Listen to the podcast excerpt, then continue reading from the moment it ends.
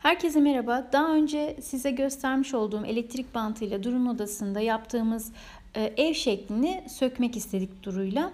Ama ben maalesef her ne kadar çok yavaş çekmiş olsam da duvara zarar vererek e, çıkartabildiğimi gördüm. Hatta bir yerden sonra nasıl olsa zarar verdik diye Duru ile böyle hoyratça çekerek çıkardık duvardan e, elektrik bantlarını. Uzun süre orada yapışık kaldıktan sonra gerçekten boya ile böyle bir bütün oluyor ve ne kadar yavaş çekerseniz çekin boyaya zarar veriyor. Bunun yaşanmaması için aslında yapılması gereken şuymuş. Fön makinesiyle bantı ısıtırsanız ve e, yavaş yavaş çekerseniz ısının sıcaklığıyla e, arkasındaki tutkalın erimesi ve gevşemesiyle duvara zarar vermeden sökebiliyorsunuz. Aman siz aynı hatayı yapmayın derim. Bu da bize bir e, boya ve küçük bir tadilat işi çıkarmış oldu.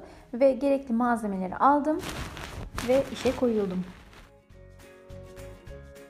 Bir tane boya naylonu aldım ve bunu maskeleme bantıyla duvara süpürgeliğin üstünden sabitledim. Ondan sonra bir tane e, spatula ile ya da bir mala gibi bir şeyle e, duvardaki bu kalkmış olan yerleri kazıdım. İlk önce o pütürcükleri kaldırmanız, yok etmeniz gerekiyor.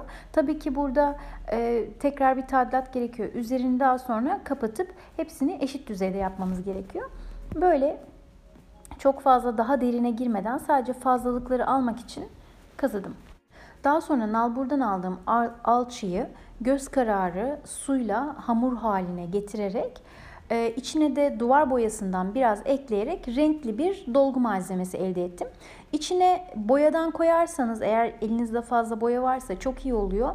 Ee, daha sonra kapatıcılığı daha kolay oluyor. Üzerine tekrar boya geçtiğinizde altta böyle beyaz beyaz bir alçı görmektense duvar renginde bir e, alçı olması işinizi kolaylaştırıyor. Bittikten sonra bu şekilde görünüyor. Ben yine malayla e, pardon spatula ile benim elimde spatula olduğu için spatula ile e, bu kazıdığım yerleri tekrar bu malzemeyle doldurmaya ve hepsini hemzemin yapmaya çalıştım. Tabii bir elimle çekim yapmaya çalışırken telefonla öbür elimle de iş yapıyorken size göstermek kolay olmuyor. Aslında daha başarılıyım kamera arkasında. Durun odasında sürekli değişiklik yaptıkça duvara monte olan okuma lambasını da çıkarmak zorunda kalıyorum. O yüzden e, onu satmaya karar verdim. Bize daha böyle bir masa üzerinde daha rahat odanın içinde hareket ettirebileceğimiz bir ışık gerekiyor. Bu tip deliklerde de muhakkak içerideki dübelleri çıkartmak, ondan sonra da dolgu malzemesiyle içini mümkün olduğunca doldurmaya çalışmak ve hemzemin bir düzey yaratmaya çalışmak gerekiyor. Sonra sıra geliyor kurumasını beklemeye. Kuruduktan sonra ise zımparalama işi. Ee, bir zımpara kağıdı alıyorsunuz ve bu yapmış olduğunuz dolguların üzerini zımparalıyorsunuz. Çünkü yapmış olduğunuz dolgularda da yine bir kabarıklık, yine e, duvardan farklı bir kalınlık oluyor. Onu duvarla aynı eşit mesafede, eşit yüksekliğe getirmek için bir ince bir zımpara kağıdıyla hatta böyle küçük artıklar da olabiliyor. Tabii ben çok böyle profesyonel bir iş yapıp çok uzun zaman harcamadığım için buna e, onların hepsini düzleştirip inceltiyorsunuz bu zımpara kağıdıyla ve pürüzsüz bir duvar yaratmış oluyorsunuz. Aşağıdaki naylonun çok faydası oluyor bu aşamada. Naylon kirlendikten sonra, zımpara işiniz bittikten sonra bir kısmını kesip e, o tozlu olan yere atıp tekrar naylonu açıp çünkü bunlar çok büyük naylonlar oluyorlar. Tekrar duvara sabitleyebilirsiniz maskeleme bantıyla. E, elektrik prizinin etrafını bantlayabilirsiniz. Ondan sonra da boya işlemine geçersiniz. Bu arada zımpara yaparken o kadar çok toz çıkıyor ki ben altında nemli bir bez tutmaya çalıştım. O da e, tozların bir kısmını yakaladı. Yakalanmayanlar aşağı döküldü. Gerçekten evin içinde yaşıyorken bu zımpara çok kolay bir iş değil. Ve son olarak iki kat boya uyguladım. İlk kattan sonra kurumasına izin verdim. Ondan sonra ikinci katı uyguladım.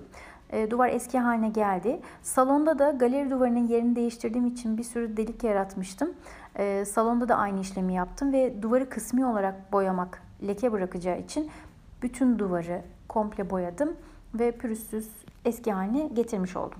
Herkese tavsiyem e, küçük küçük denemeler yapın.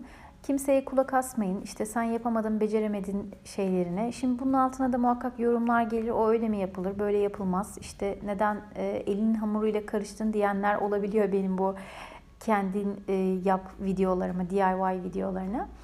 E, Siz hiç kimseye kulak asmayın. Elinizden geldiğince yapın. Mükemmel yapmak zorunda değilsiniz. Sonuçta siz bu işin ustası değilsiniz. Ama sonuçta ben de e, iyi bir iş çıkardım ve cebimden sadece malzeme parası çıktı. Böyle. Herkesi cesaretlendirmek istiyorum bu konuda. Hoşçakalın.